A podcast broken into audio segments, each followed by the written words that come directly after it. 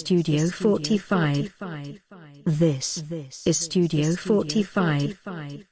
This is Studio 45. Welkom bij Studio 45, een radioprogramma van MVS op Salto. Iedere derde zaterdag van de maand nemen jullie mee in de wereld van kunst en cultuur.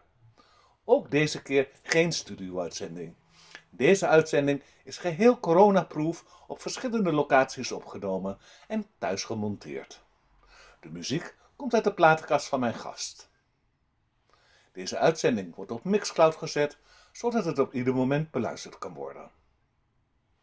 Komende week beleeft Wings, een sieradencollectie van de kunstenaar Evert Nijland, zijn première. In deze uitzending nemen we jullie mee in het verhaal van Wings. Waar komt de inspiratie vandaan en hoe wordt dit vertaald naar de sieraden?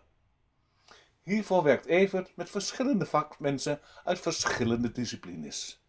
Grafisch vormgever en edelsmid Merel Slootheer, 3D-ontwerper Ellen Nguyen, edelmetaalgieter Stefan van Sloten, glasblazer Edwin Diepering en wever Joost Post. Mijn naam is Harold Tiatte en welkom bij Studio 45.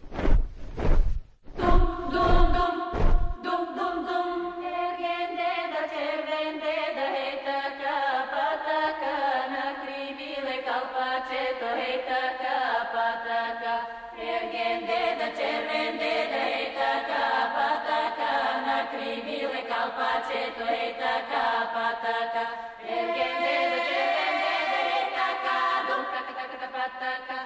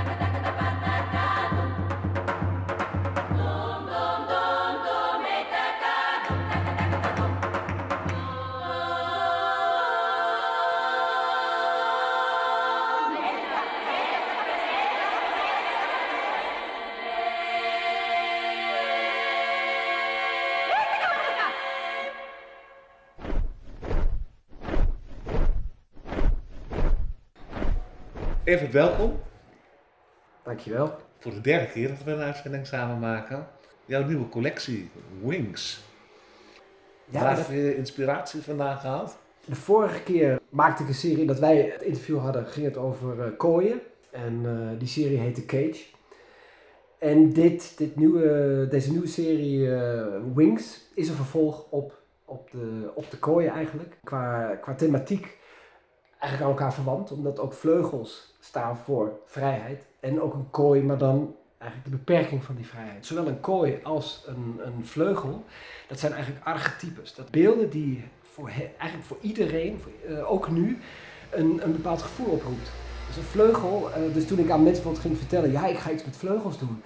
Oh, echt? Vleugels? zo, iedereen heeft daar wel een beeld bij. Of, uh, en dat geldt voor die kooien eigenlijk ook. En ik denk in die zin ook dat ik daar uh, als, als, als maker naar op zoek ben.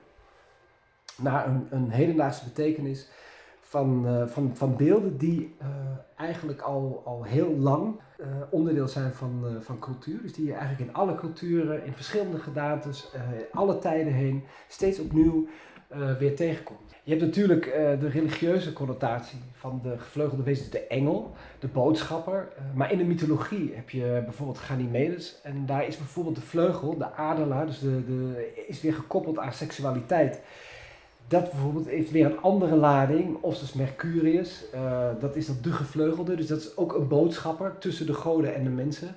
En engel is dat in principe ook, en dat is denk ik precies wat mij dan zo um, fascineert, dat dus zo'n universeel beeld eigenlijk verschillende betekenissen heeft. De verschillende stukken refereren ook aan verschillende uh, vormen.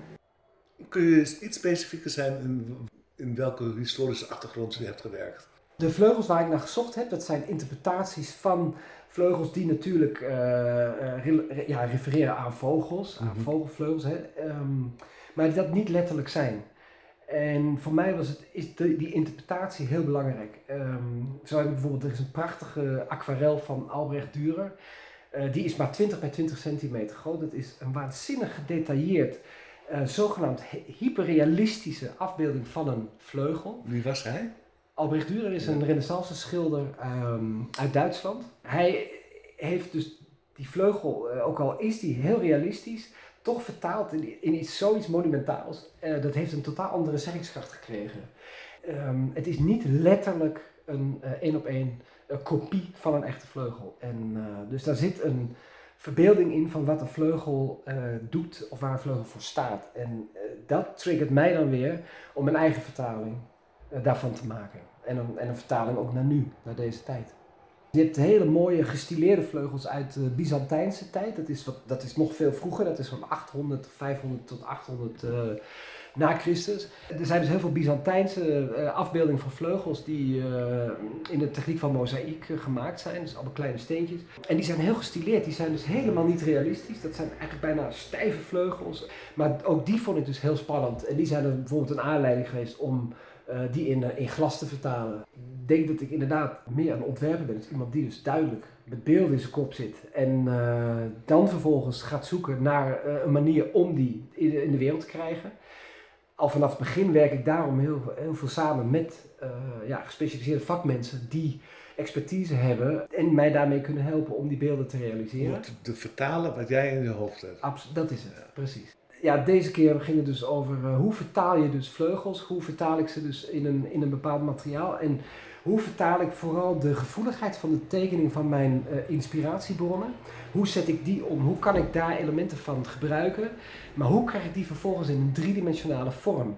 Want uh, de basis voor mijn sieraden, deze keer dacht ik, ik wil echte vleugels maken. Vleugels die uiteindelijk zilver gegoten moeten worden. Vleugels, uh, dat was het idee. De echte vleugels die, uh, die daaraan refereren, die zijn uh, uit metaal en stijf. En alles wat ik daarover te zeggen heb, dat zijn andere onderdelen die dan gemaakt worden door een glasblazer of door een wever. Of zo, die allemaal eigenlijk kunnen bewegen. En die zacht een wever? Een wever, ja. Ik heb ook samengewerkt met een textielwever om zijdeband te ontwikkelen. Om daar strikken van te maken. En die dus achter de vleugel te bevestigen. je hebt dus een idee van de, de voor- en achterkant, dus de, ja, de, de vorm, de driedimensionale vorm, dat zijn dus de stijve ja, vleugels uit zilver, hol.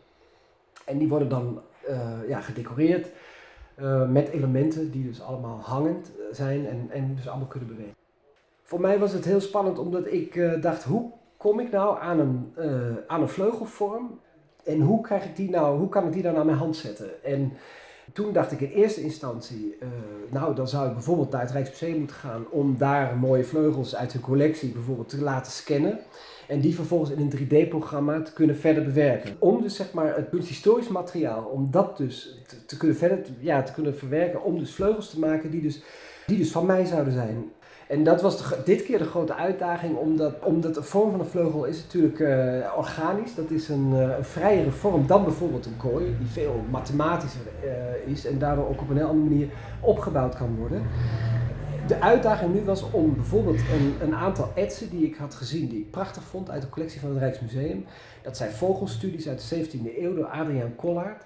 Dat zijn prachtige details van vleugels, waarvan ik dacht, oh, uh, die, hè, dat zijn vogelstudies en ik dacht, ik zag die vleugels daar. Ik denk, nou als ik die kan isoleren voor mijn eigen werk uh, en die ook driedimensionaal zou kunnen maken. Dus dat wat uh, ook in de tekening vorm suggereert, maar natuurlijk um, in het, maar tweedimensionaal is en niet driedimensionaal. Hoe?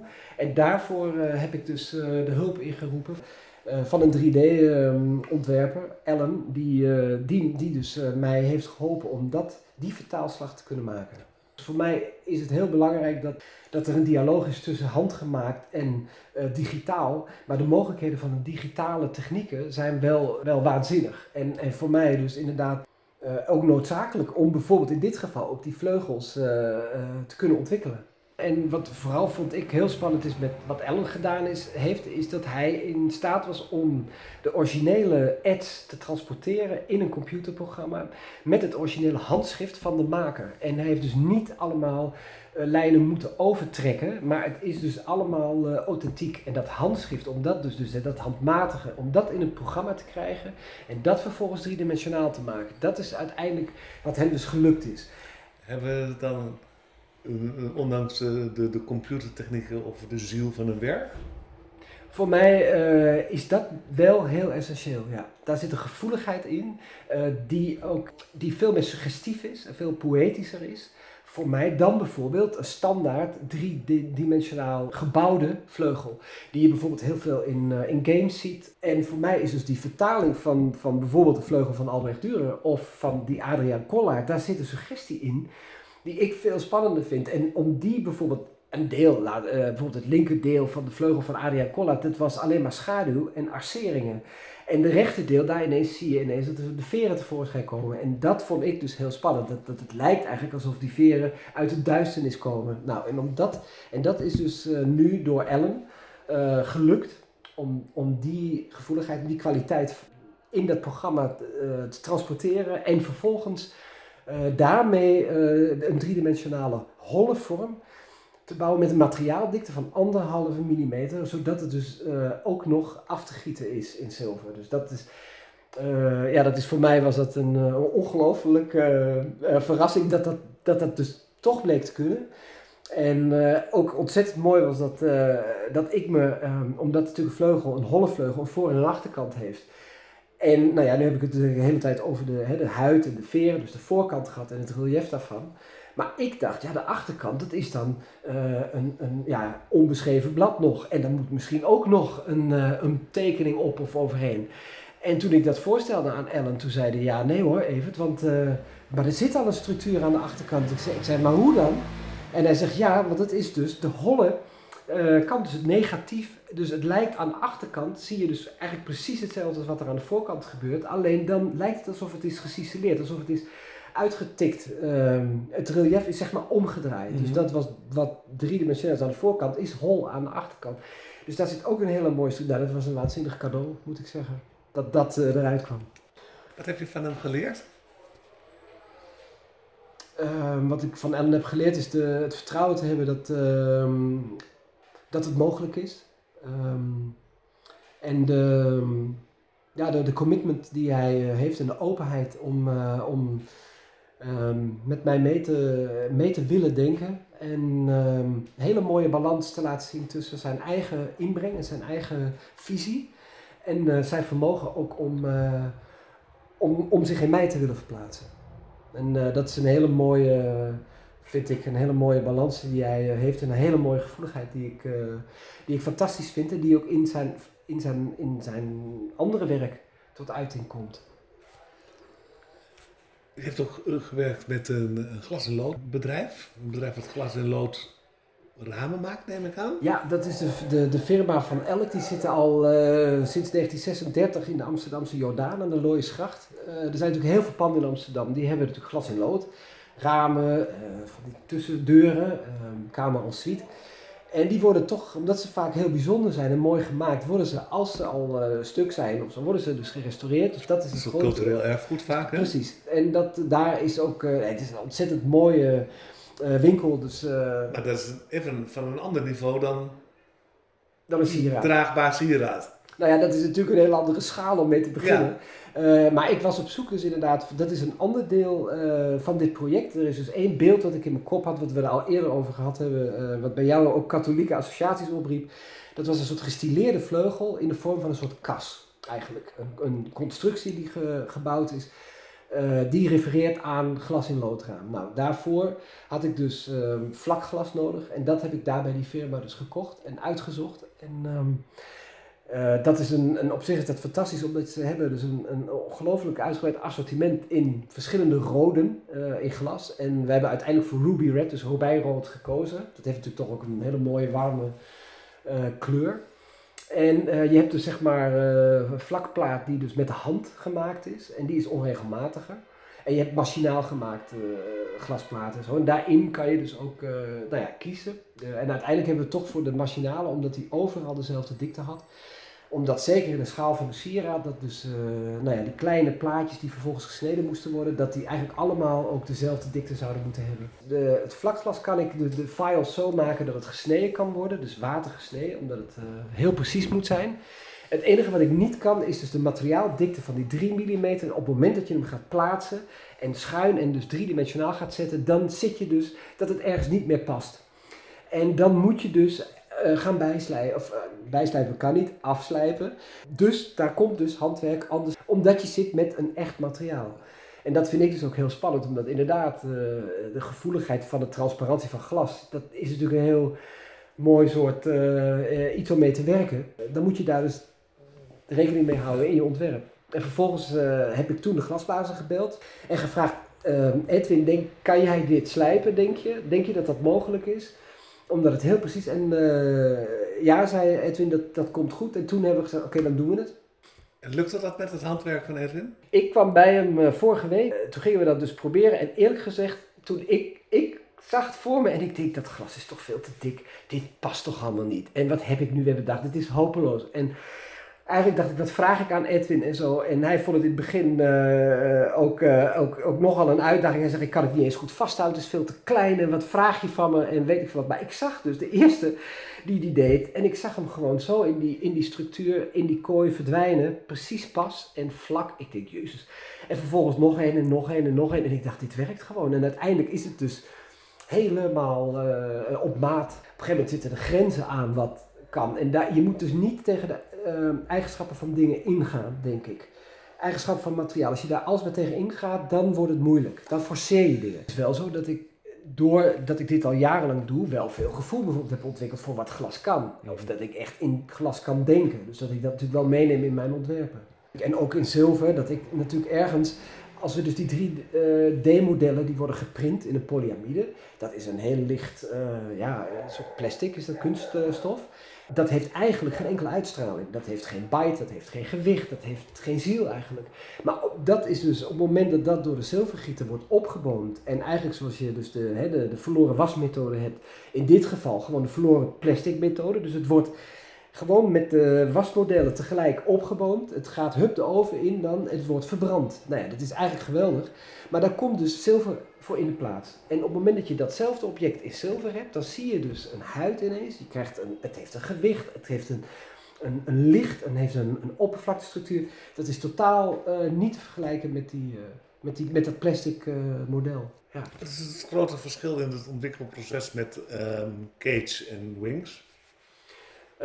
In de eerste plaats, ik denk dat, nou zoals ik al eerder zei, die kooien die waren eigenlijk veel mathematischer, die zijn strenger in hun op veel formeler. Dus dat is eigenlijk uh, een hele andere vormentaal. Die is een stuk strenger en minder organisch. Die omzetting van die vleugel etsen allemaal en die, en die tekeningen naar een driedimensionale vorm uh, die hol is en een bepaalde dunne materiaaldikte heeft, uh, dat is een heel andere um, ja, vertaling, een heel andere beeld, eigenlijk, beeldtaal. Dus in die zin, en ook de huid uiteindelijk, omdat die zo mooi werd, eh, dat had ik eigenlijk ook niet verwacht. Dat het zo, eigenlijk zo eh, subtiel werd. Extra cadeautjes. Ja, en Ja. dus hebben we ook nu, eh, heb ik ook veel dingen gedaan met polijsten bijvoorbeeld. Dus de, de contrast tussen mat en glans. Dat heb ik eerder, bijvoorbeeld die kooien waren eigenlijk allemaal mat. Ja. Maar dit, daar zit hier, bij deze nieuwe serie zit een veel grotere variatie tussen, ja, in lichtval. Dus, dus deels mat, deels met de hand, met een borstel. Eh, ja, zeg maar eh, wat, wat glimmender gemaakt op sommige punten. Eh, andere zijn helemaal mat. eh andere zijn vol glanzen. Dus dat is wel een andere, dat is wel iets nieuws wat zich nu heeft ontwikkeld.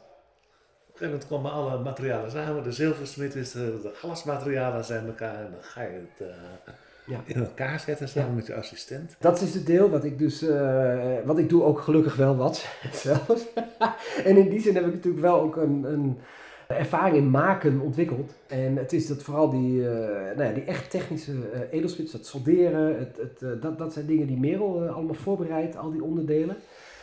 Maar het in elkaar zetten uiteindelijk, het vastnaaien van bijvoorbeeld zachte materialen als textiel, ehm borduren bijvoorbeeld wat ik gedaan heb op, op die zilveren vleugels. Ik heb gouddraad omwikkeld over, eh, over zo'n zilveren vleugel. Ik heb heen. het gouddraad zelf ontwikkeld. Nee, dat is antiek gouddraad wat ik al jaren geleden een keer gekocht heb in een, eh, in een, bij een antiquair. Eh, dus dat is echt metaaldraad en geen lurex. Dat is prachtig. Mhm. Het is een beetje aangetast, dus het is ook niet meer zo glanzend. Het heeft een soort Mhm. triest- trieste uitstraling, wat ik eigenlijk heel mooi vind. Ehm, hele mooie, warme, gouden gloed zit erop. Eigenlijk die eh, vleugels, dat was een, is een basisvorm in zilver. En daarop en aan komen allerlei dingen en andere elementen te hangen. En dat inderdaad, dat doe ik dan zelf. Over welk tijdsbestek spreken we hier? Van het eerste idee naar... Want je hebt natuurlijk de collectie weer laten fotograferen door Edo Hartman. Ja, dat is eh, absoluut de, ja, mijn eh, vriend ook al, al heel lang. En ook iemand eh, wiens werk ik heel, heel erg bewonder. En ja, we hebben al een hele lange, ook professionele relatie. Dus hij is ook iemand die, die gevoel heeft voor mijn werk. En, Mhm. en, ehm, ja, en bijvoorbeeld ook voor glas. Dus dat hij ook in staat is om dat heel goed, goed te fotograferen. De tijdsbestek is, ik denk de eerste ideeën, ja, die kwamen eigenlijk vrij snel na de, ik denk al in 2018. Nou, net na die kooien al ergens iets in mijn achterhoofd begon van hmm, hmm. Eh, want dit zijn dingen die je niet kan bedenken. Omdat als ik dit, zou moeten bedenken van nou, nu ga ik wel eens iets met vleugels doen, dan vertrouw ik het niet. Het is, die- zijn van die beelden die zich aandienen op een gegeven moment en die blijven hangen en die komen steeds terug. En dan denk ik op een gegeven moment van nou, volgens mij moet ik hier dan maar eens wat mee gaan doen. En dan vertrouw ik het ook. Want ik, ik denk dat als het niet eh, uit die bron komt, dat ik het dan, dan denk ik ja, dan is het te veel bedacht en dan, ehm, dan, dan, geloof, ik er, eh, dan geloof ik er niet in. Het, eh, de hele maakproces is eh, eigenlijk begonnen in februari, net voor de lockdown. Dus je kan zeggen dat eigenlijk gedurende dit hele coronajaar dat deze serie vleugels is ontwikkeld. We gaan dadelijk luisteren naar het interview wat ik met Ellen heb gehad. Met welke missie heb je Ellen aan het werk gezet? Om de, de inspiratiebronnen voor de vleugels uit de kunsthistorie, om die bronnen eh, om te zetten eh, naar, een, eh, naar mijn vertaling daarvan. En om hedendaagse vleugels te kunnen ontwikkelen in verschillende stadia van gesloten naar eh, open. Your collaboration with Everett. How did you meet each other? I've always had this sort of interest in jewelry design. Um, actually, coming back from Houston, I was really into hip hop jewelry design because Mhm. there's a famous guy there named Johnny Dang. And for a long time, I, I wanted to be sort of Johnny Dang. Recently, I started meeting people within the, the community here that are doing jewelry. Um, there's a foundry nearby named The Viking. And one day I went in there and I asked uh, Stefan, hey, is there somebody here doing grills? Because I was really interested in making grills. And uh, there was a kid named Daniel who popped his head out and he said, yeah, this guy, he's making them.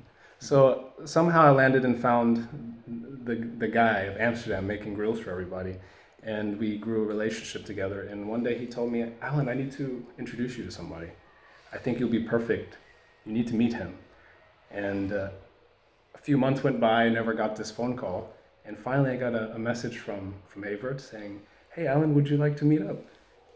And uh, I had no idea what to expect. I didn't know anything about Avert, his jewelry, his past, his history, who he is. Nothing about him.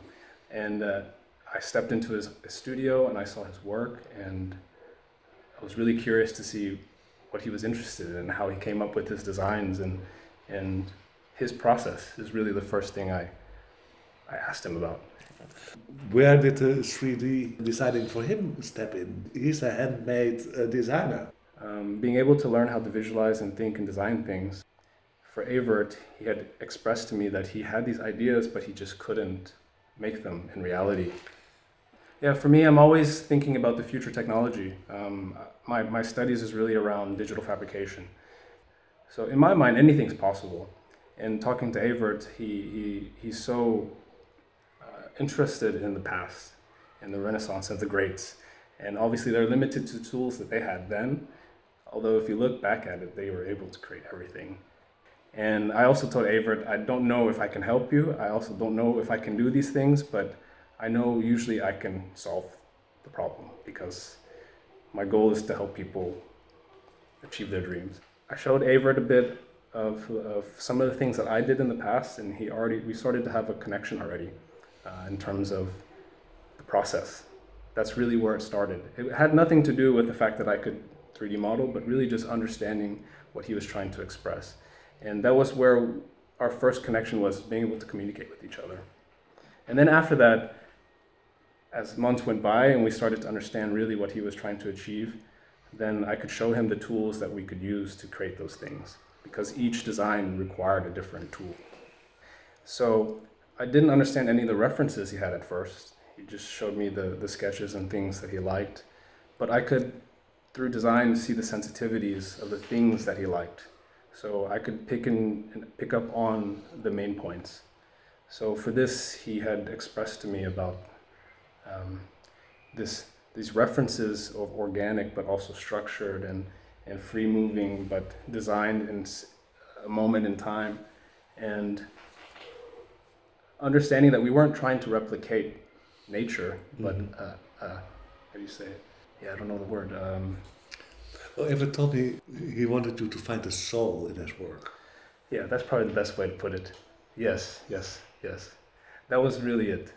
Putting the soul into the work uh, finding the soul of the work because it's not just an aesthetic thing it's really a feeling. And the feeling can be expressed in color or material or shape and it and even a particular size. It could be uh, one centimeter off but have a totally different feeling. And that was really important for us to be on the same page.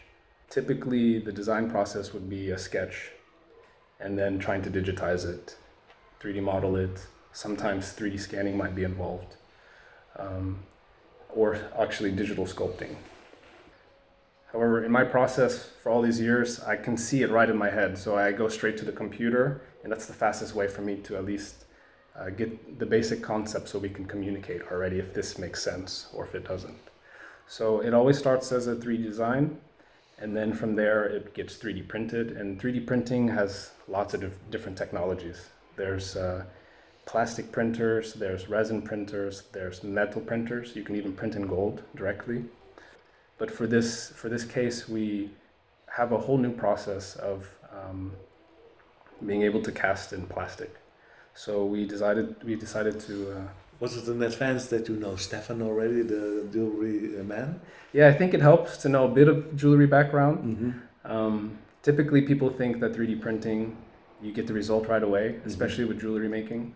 Um, the first thing that you find out after you, you cast something is that there's you have to actually attach spruce to it. So you still have to finish the work. It's never going to be perfect right out right away. But in 3D printing world, typically you just print something and you have it. So it was interesting for me to do this because now I can I can learn a new process. 3D printing can can is now so accessible that people can print at home. But the, the machines that we use for Avert were these really professional machines. They're a million dollars. They they're the size of a couple of uh, refrigerators, American-sized refrigerators, and um, yeah, it's it's really liberating for for us to work together because then everything's possible. I actually in my portfolio I have about thirty different softwares that I've learned over the years. Mm-hmm. So my advantage is, especially for Avert in this case, was I can understand which process to use for for this case. So jewelry is really free. We can create anything, but product design has certain limitations, especially the way that it's produced, and it's a different way of, of designing. Yeah, yeah. Because you have to, you have to find out how it works and even how it comes out of the printer. Yeah, I think I've, I've probably lost uh, two or three years of my life just staring at the printer printing all day. Really? Yeah, it's just really it's, so, it's such an enjoyable thing to see something created from nothing. Well, I, I, I say you really, but just just saw the joy on my face when I saw your printer working and Yeah. designing, and I thought, wow. It's the same feeling. I have never gotten bored of it. Probably one of the things that I haven't gotten. Where will you think uh, 3D designing is, is going in the world or in your world? Yeah, it's interesting. Um, I also work with a foundation called Figura Nova, and together we we work um, with women who have had breast cancer. So we're using the technology to do uh, 3D scanning of women either before or after operation, and be able to replicate The breast? the breast that they're missing, and and give them a feeling, a sense of normalcy again. But 3D printing has allowed me to work in so many different fields that I could learn from one area and pick it up and use it for another it's also area. so, so very social. Um, it's it's really a liberating. I think 3D printing really is a liberating way for idea creation. Um, it's a really quick process. You can validate whether or not something works right away instead of taking years to try it. Let's put it this way: with digital uh, design, we can send the digital design to the space station, and they are able to rep- reproduce and 3D print tools for themselves. Maybe when you travel to another country, you don't need a suitcase. You can just have your digital information that you need, your shoes, your clothes, everything in your in your pocket, and then when you arrive, you can print it out. Because when I was young, there was the Jetsons, do you know? The, Yeah, the yeah. strip? Was that something similar for you? You know, I, think I was really inspired by that growing up. Also, the movie uh, Fifth Element, and also um, Starship Troopers. Not the best movie ever, but, uh, Fifth it's Element. Dutch. but uh, yeah, Fifth Element really. I didn't realize it then, but when I go back and I see there's the beginning scene, there's 3D printing. So somehow it's been in the back of my mind. Yeah, we're living the future in a way. What does the future hold? I, th- I think we're, we're already living it. The future is now. Yeah, the future Yeah. is now. That's a very interesting point of view. I think it's interesting because 3D printing has been around since uh, it was invented in 1986. So it's already over 30 years. If you look at it that way, it's almost old. Almost old, yeah. But uh, yeah, it's a whole new revolution, just like uh, the production line. So You have a, a very interesting own website, Space Junk. yes, You you can tell us something about it. yeah, sure. Um, so Space Junk, Space Junk was the company that I started in 2014 after I decided I think I had learned enough uh, in in the 3D world that I wanted to um, be able to establish relationships outside of what I already had. And the mission for Space Junk initially was sort of a playground that anybody that I could collaborate with or work with to help them achieve their dreams. And since then, I'm still doing that, I think. I, I t- talked with Avert the other day and he I asked him, Did I make your dream come true? And he told me yes. He, and so I have a satisfaction for that for sure. Definitely. What did you learn from Everett? You know, this year has been a transformative year for me, definitely. And uh, before this year, I had spent a lot of time in my own head and, and in my own space, thinking about my own world. And Avert really broke that up for me. He really um, made me realize that not everything has to be perfect. Serendipity is great. Um, and he taught me that art is really about self expression. Yeah, I kind of look at Averett now as a mentor he, he really is in a way. He, he's he's let me understand things from a different perspective and really liberated myself a lot. So he's he's taught me to be myself. Um, where do you see yourself within 10 years? Yeah, definitely more interesting projects. Maybe maybe this experience that I had with Avert has given me a spark to also work on my own collection one day. Working with Avert now made me realize that there is a lot of freedom. So one of the one of the other big ambitions I would like to have is is to reconnect to my roots in Vietnam and maybe create some sort of um, entrepreneurship or some sort of design uh, relationship back to my home country. The last but not least, you're an extreme advocate for following your heart and pursuing everything possible to achieve your dreams. That's you it. just said it all. It's I mean it from the heart, and and I think that's the key for the world's happiness. That's what I really want. I want everybody to be happy and enjoy this special time we have on Earth. And um, yeah, my goal is to, to, to another part of myself is just to push people to accomplish their dreams. Wilt u meer weten over 3D en Ellen? Check dan zijn website www.ellenenguyen.me Ik ga zo eh, spreken met eh, Stefan, jouw zilvergieter. Mhm. Met welke missie heb je hem aan het werk gezet? Stefan heb ik gevraagd om de driedimensionale printmodellen van de nieuwe vleugels, om die eh, in zilver te gieten.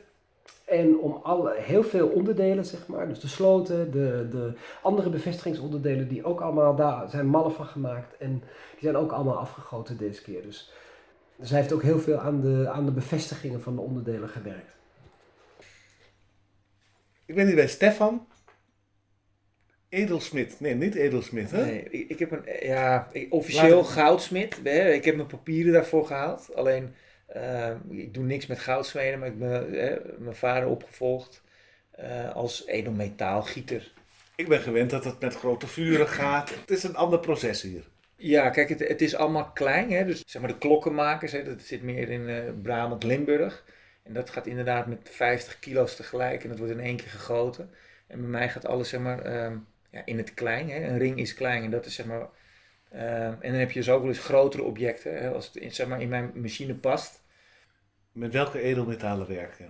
Goud, zilver. En eh, brons kunnen we ook. Hè? Dat is dan geen edelmetaal, maar goed, dat hebben we er maar bijgenomen. Omdat het toen... eh, ja, er was vraag naar en uiteindelijk ben je daar toch mee doorgegaan. We zijn hier natuurlijk voor Evert. Jullie samenwerken. Je bent al jarenlang de vaste gieter van Evert. Ik doe dit bijna 20 jaar, dus nou ja, zo lang ken ik Evert ook bijna. 15 jaar. Hoe zijn jullie met, met elkaar in contact gekomen? Via een goudsmid waar hij toen mee werkte, was hij bij ons klant. Nou ja, en uiteindelijk is Evert daar ook ja, eigenlijk binnengekomen. Evert gaat eerst naar de 3D ontwerpen voordat hij naar jou gaat. Nou ja, eerst kwam hij ooit bij mij hè, met brainstorm. Ik heb wat in mijn gedachten. En toen heb ik hem gezegd, je moet daar en daar en daar op gaan letten, want het is niet zo zoals het vertellen. Nou ja, je moet als team werken Mhm. en ik, moet, ik zie de problemen al die een tekenaar maakt. Dus daar te- steek ik zoveel tijd in. De lijnen zijn heel kort. En de klik is er gewoon heel goed met Evert. En, hè, want die zit zeg maar, op dezelfde golflengte als dat, hoe wij eh, zeg maar, met het hele team bij Evert zitten. En dat is heel makkelijk communiceren. Met welke vraag is Evert naar jou toegekomen? Met welke missie had jij? Eh, op de voorhand komt hij al bij me met een idee. En dan, eh, dan begint mijn radar al te draaien over de problemen die zullen kunnen komen. En dat probeer ik zo duidelijk mogelijk te vertellen. En met dat verhaal en zijn idee qua product gaat hij naar, de, eh, naar Ellen, naar de 3D-tekenaar. En uiteindelijk is er een ja, 3D-tekening. Dan komen ze weer bij mij toe en dan zeg je, oh, wat voor wanddikte moet het zijn? Eh, eh, het moet niet te dik worden, want het wordt er te zwaar. Voor eh, deze collectie had jij ook een, een nieuw werkproces bedacht. Het was een soort van plastic wat meer kon branden in de oven. Je Kun je daar iets over vertellen? je hebt verschillende soorten materiaal. Hè, ehm, door proberen, door, hè, door uit te testen, komen we eigenlijk bij, m- bij materiaal uit. Wat gewoon eigenlijk restloos verbrandt. En Evert vindt de structuur ook gewoon mooi. Dat, eh, dus dat is helemaal mooi. Hij blij is, dan is iedereen blij. Waar zit het verschil dan in het, met het gieten? Dat het ene materiaal wel werkt en het andere materiaal niet. Gaat dat om de verfijning of om de structuur? Sowieso gaat het over de structuur. Want hè, een printer dat, dat wordt opgebouwd in laagjes. En dan zie je een laagje. En hij heeft dus zulke. ehm, het zijn hele simpele dingen, maar dat is juist het lastigst. Ehm, en als je een lijn ergens ziet wat je niet kan bepalen waar die lijn loopt, ja, dan is het eigenlijk al een no-go. En de printer die, die nu gebruikt wordt, het is een soort grote ja, bak met, met een soort eh, fijn poeder. En er gaat een laser onder, dat wordt dan uitgelicht. En als het klaar is, dan zie je dus geen printlijn, omdat het op een ander procedé gemaakt wordt. En toen uiteindelijk zijn we op, op, dit materiaal gekomen. En het is wat groffig, hè? dat kan je misschien ook zien als je naar de, naar de galerie gaat. Er zit een soort groffige structuur overheen. En dat is, hè, ik doe veel voor juweliers. En dan moet het perfect zijn en glad en mooi. En eh, daar kan je met een ring niet aankomen, mits je de structuur mooi vindt. En Evert is kunstenaar, dus je kijkt heel anders naar een product. En hij vond het prachtig. En het giet en het verbrandt gewoon restloos. En dat is het mooiste eraan. Maar soms zie ik nog wel wat imperfecties erin, dat ik denk, hmm, jammer. Maar hij vindt dat juist mooi. Om het makingsproces hier in Ja. deze ruimte even helder te krijgen. Jij werkt zelf, kan ook zelf mallen maken Ja. voor kleinere stukken. Ja. De printer is next level, zeg maar. Ja, nou in dit project wel. Ik heb ook heel veel dingen. eh wij hebben ook gekeken of we er mallen van kunnen maken, zodat je alles in eigen beheer houdt. Want als het fout gaat, wij doen altijd alles hetzelfde qua opbouw en, en, en, en qua werkwijze. En het gaat nog wel eens fout met de print. Eh, en dat heb je niet onder controle. En als je dus niet weet, als je, geen, als je de fout niet kan terug herleiden, dan kan je het ook niet oplossen. Dus daarom dachten we, we gaan mallen maken en dan gaan we daarmee door. Alleen het bleek dus in de loop van de tijd toch niet het ei van Columbus te zijn. En dan ben je afhankelijk toch van een printer. En die printer die hebben we eigenlijk gevonden. En dat is eigenlijk continu goed resultaat. En iedere keer zijn we toch verbaasd ook dat het eigenlijk werkt. Kun je mij iets vertellen gewoon hier over het proces? Oké, het ontwerp komt binnen. Hoe gaat het in zijn werk? Een goudsmid heeft een, een, een ring ontworpen. Die heeft hij helemaal gemaakt zoals het naar de klant moet. Eh, maar dan denkt hij, ik maak er een mal van. Als ik hem verkoop, moet ik hem weer op de hand maken. Nou, dan maak ik een siliconen matrijs van. En dan heb je de, het negatief van de ring. Daar injecteer je was in. Dan haal je het wasmodel eruit. Dan heb je de ring eerst in het materiaal, heb je dan in een wasmodel. Dat kan je dupliceren. Die mallen zijn oneindig. Dat gaat eh, jaren mee. Ehm, en dan moeten ze er een aantal in het geel goud of in het wit goud of in het rood goud hebben. Nou, dat maak je dan in de aantallen dat ze willen. Dan wordt het op een boompje gezet. Dus dan heb je een, een wasboompje vol met ringetjes. Nou, dat gaat uiteindelijk in het gips. Nou, gips wordt hard. Gaat het de oven in. De oven die verbrandt de was. Dus dan heb je weer een soort mal in, in het gips zitten. En dat loopt een, eh, het gaat over de hele nacht loopt het ovenprogramma speciaal op. eh, tot een bepaalde temperatuur dat je het zou kunnen gieten. De volgende dag starten met de gietmachine. Dan doe je het materiaal in. En het is zeg maar een kopje van grafiet met een pen. Die dicht het gat onder in het kopje af. Dus daar zit het materiaal in. Het materiaal wordt, wordt gesmolten. Dus het is zeg maar een soort ja, waterachtig. En die pen dicht het gat af. Onder het gat zit een vacuümpot. Daar wordt het gips ingezet. Dat wordt onder druk met vacuüm eh, onder, onder die eh, kroes geplaatst. En dan als, we, als het goed is, trek je de pen omhoog met een knop. En dan duwt hij zeg maar, met een gas, duwt hij het materiaal als het ware in het, in het gips. En het gips dat wordt vacuüm getrokken, dus dat zuigt. Je hebt een drukkende en zuigende werking. Dat is ook vacuümgieten. Vroeger had je ook slingergieten, dus een ding in de machine en dat draait dan heel hard rondjes. En dan slaat het er als ware in. Dat is een soort, hè, dat hoeft niet meer, dat kan nu met, eh, met vacuüm eh, bereikt worden. En dan zit het, hè, wat je dus eerst had in de was, heb je dan als je het goed gedaan hebt, in het goud in het zilver. Wat waren voor jou de, de grote uitdagingen van de, deze collectie van Evert? Um, en Evert die heeft grote dingen, dus mijn maximale capaciteit heeft hij ook goed benut. Want hij kwam op de voorhand van, ah, ik heb een grote vleugel. Ik zei, oh, maar dit is mijn maat. Hè, dit is ehm, ehm, 12 breed en iets van eh 18 hoog. En dat zijn mijn cuvettenmaten waar het in past, wat in mijn machine gaat. Nou, dan heeft hij dus een... een, een Want er moet toch een omhulsel omheen, wa- dat- waardoor... Ja, daar gaat de cilinder in en Ja. daar zit dat gips in. Maar dan heb je ook nog eens, zijn vleugels zijn aan twee kanten, ook door het proces van het tekenen, is er dus aan de binnenkant ook nog eens een hele mooie structuur van de vleugel gekomen. En toen dacht ik, ja, maar waar kan ik mijn gietkanaal op zetten? Dus dat was een, een, een uitdaging. Is het zeg maar op de rand van, van de vleugels, hè, want ze lopen wat bol, heb ik dus hele langwerpige staaf, hè, eh, gietkanalen geplakt. Normaal is het een rond staafje, maar dat kan niet, want het randje is anderhalf millimeter dik. Dus ik heb gewoon een, een plaatje van anderhalf millimeter in de was gemaakt. Dat hebben we erop geplakt. En uiteindelijk is dat ook in de 3D-tekening aangepast, naar mijn wens. Want daar zet ik mijn gietkanaal op.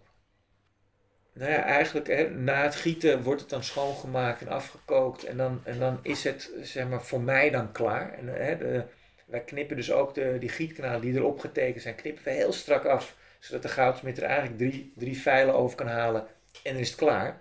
En dan kan hij weer door met zijn proces. Want hè, bij mij de deur uit gaat, is het nog lang niet klaar.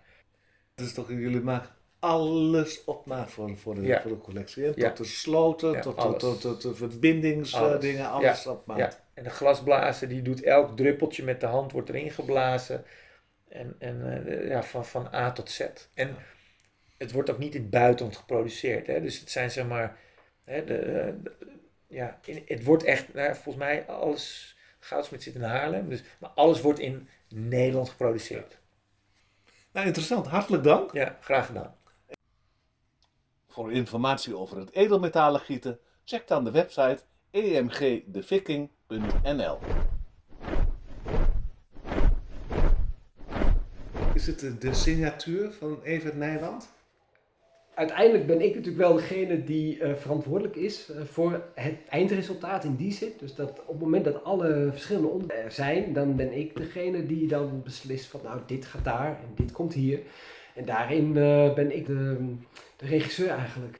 Het is een Evert Nijland dan. Hè? Je, wilt het ook echt benadrukken dat het echt een samenwerking is van al deze vakmensen met wie je gewerkt hebt. Ja, het is veel meer eh, eh, een samenwerking dan, eh, dan dat deze mensen, deze getalenteerde mensen, werk voor mij hebben uitgevoerd. Het ging echt veel verder dan dat. Eh, in de, bijvoorbeeld Merel, die heeft dus een waanzinnig veel technische oplossingen aangedragen, die ook heel beeldend, heel mooi waren, die, waar ik zelf niet op kwam en waar, hè, waar hoe moet ik dit oplossen?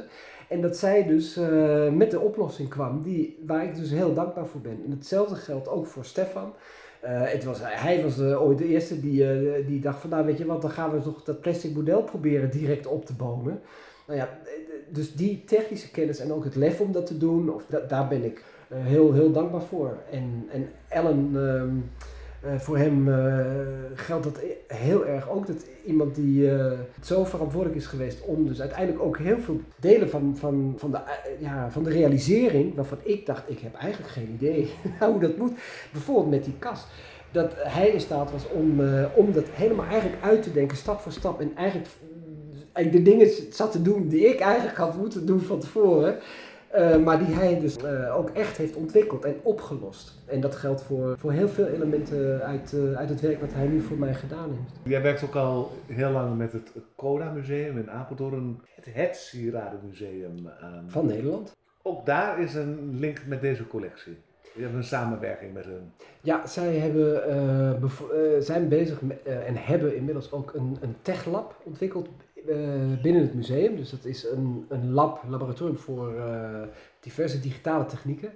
En omdat ik dus inderdaad in mijn onderzoek naar eh, de combinatie tussen handwerk en digitale technieken eh, in, in mijn eigen werk, eh, is eigenlijk sinds ik daarmee ben begonnen, is, dat, eh, is het Coda Museum daar al vanaf dag één bij betrokken geweest. Dit onderzoek liep al tijdens Gage, toch? Ja, Ja. dat is waar. Dat was eigenlijk de eerste eh, keer dat ik onderzoek ook deed namens het museum, dus voor hun techlab. eh naar die combinatie tussen dat eh, handwerk en, en digitale techniek. En het is eigenlijk is de hele serie Wings is een voortzetting daarvan, van het onderzoek. Is het onderzoek hiermee afgerond of gaat het nog door? Ik denk dat dit onderzoek nog niet helemaal is afgerond, omdat ik denk dat we nu met dit onderzoek weer op nieuwe sporen zijn terechtgekomen, die eigenlijk ook weer daarnaast eh, verder ontwikkeld kunnen worden. Ehm, het fantastische is dus dat het eh, Coda Museum dus een deel van dit onderzoek heeft gefinancierd. En dat ehm, ik ook eh, in, in ruil daarvoor een stuk doneer aan de collectie van, eh, van het museum. Inmiddels is hun collectie met stukken van mij, zeg maar, behoor- behoorlijk uitgebreid. Ik denk dat ze bijna uit alle series werk hebben. Nou, wat mooi zo'n samenwerking ook. Het is fantastisch eh, in deze tijd en ik ben het museum en Karin Reinders, de directeur, dan ook echt heel dankbaar dat ze dat wilde faciliteren. Daarmee ehm, stimuleer je dus heel direct ja, een, een onderzoek, eh, wat, wat, wat natuurlijk gewoon kostbaar is eh, om, om te doen. Want Je hebt natuurlijk je trial and error en dat, dat kost tijd en ook geld. Eh, maar daarmee eh, kan je natuurlijk wel je werk opnieuw ontwikkelen en dus ook inderdaad. En ook voor, uh, de zeg heeft ook ehm, les in Florence op, op de kunstacademie. Neem je daar ook gedeeltes van dit onderzoek mee naartoe van, om daartoe te passen? Als ik met studenten eh, ehm, werk, denk ik dat vooral eh, het, eh, waar we het eerder over hadden, dat alles, alles kan. Wat je in je hoofd, dat dat bijvoorbeeld eigenlijk nog belangrijker is. En dat ik wel degelijk inderdaad, als je iets in je kop hebt, eh, en, je, we zijn in deze tijd en er zijn al deze digitale technieken. eh, jongens, eh, alles met de hand is leuk, maar hou je vizier open en maak gebruik ook van andere technieken als, als je dat nodig hebt voor je werk. Dat zal ik zeker doen. Dan komt weer de gevleugelde uitspraak. Alles wat je je kan imagineren, moet ook uitvoerbaar zijn. En daarmee inderdaad, als je dat al vroeg als student al ontwikkelt, die houding, dat, eh, dat maakt dan ook dat je dus eh, grotere stappen kan zetten in je werk. Is er iets uit, de- uit deze hele productie? Ja, dat heb ik geleerd. Dit, dit is misschien ook weer een, een brug naar toekomstig werk. Eh, het feit dat eh, het mogelijk is om beeldcitaten eh, nu, eh, zonder dat je ze dus live hoeft te scannen, maar dat je dus gewoon eigenlijk met een, eh, een, een, ja, een bestand eh, alleen, dat dat voldoende is om dus van een tweedimensionaal naar een driedimensionaal beeld te gaan. Dat levert eh, voor mij wel, eh, denk ik, voor de toekomst heel veel nieuwe mogelijkheden op. Is het ook een revolutie in- voor de kunst in het algemeen? Dat vind ik moeilijk om te, om te zeggen, omdat natuurlijk de... Dat er nog middenin zit misschien. Ja, omdat ik ook niet precies kan inschatten in hoeverre. wat ik wel weet is dat die dialoog tussen handwerk en, eh, of het handschrift en ehm, digitale techniek, dus de, de, dat daarin, eh, wat ik daarin ontwikkel, dat dat wel eh, bijzonder is. Of dat dat wel, wel een, een ja, stuk is wat echt, waar je nog heel veel in kan ontwikkelen. Dus dat, daar, daar geloof ik wel in, dat dat heel veel potentie heeft. Galerie Koudijs. Ja. Jouw vaste galerie. Van, van het eerste heel trouw aan je mensen, hè? Ja, maar Rob is ook iemand die, eh, die mij eh, al eh, helemaal vanaf het begin, dat ik net was afgestudeerd, heeft opgepikt. En altijd heeft gesteund samen met zijn partner Wart. En wij hebben ook een hele ja, mooie, bijzondere vriendschap ontwikkeld. Nu al, al 25 jaar. En ik vertrouw Rob ook heel erg in, ja, in hoe hij zeg maar, mijn werk vertegenwoordigt, professioneel.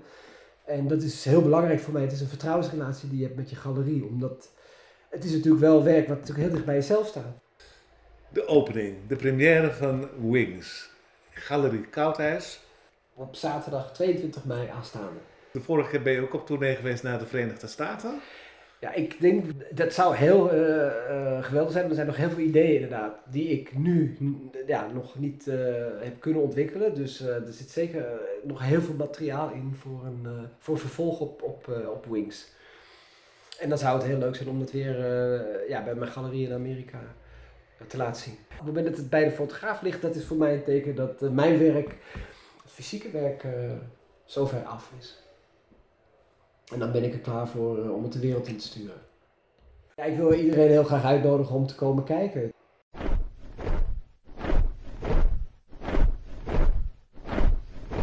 Van 22 mei tot en met 10 juli is Wings te bezichtigen in Galerie Koudijs, Elandsgracht 12 in Amsterdam.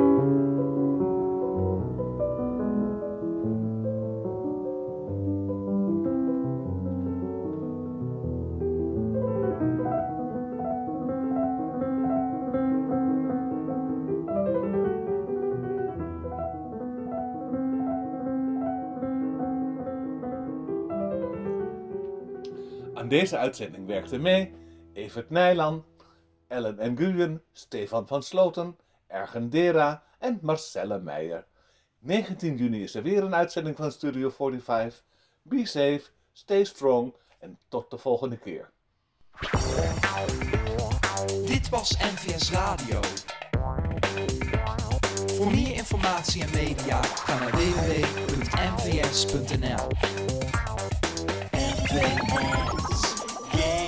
station.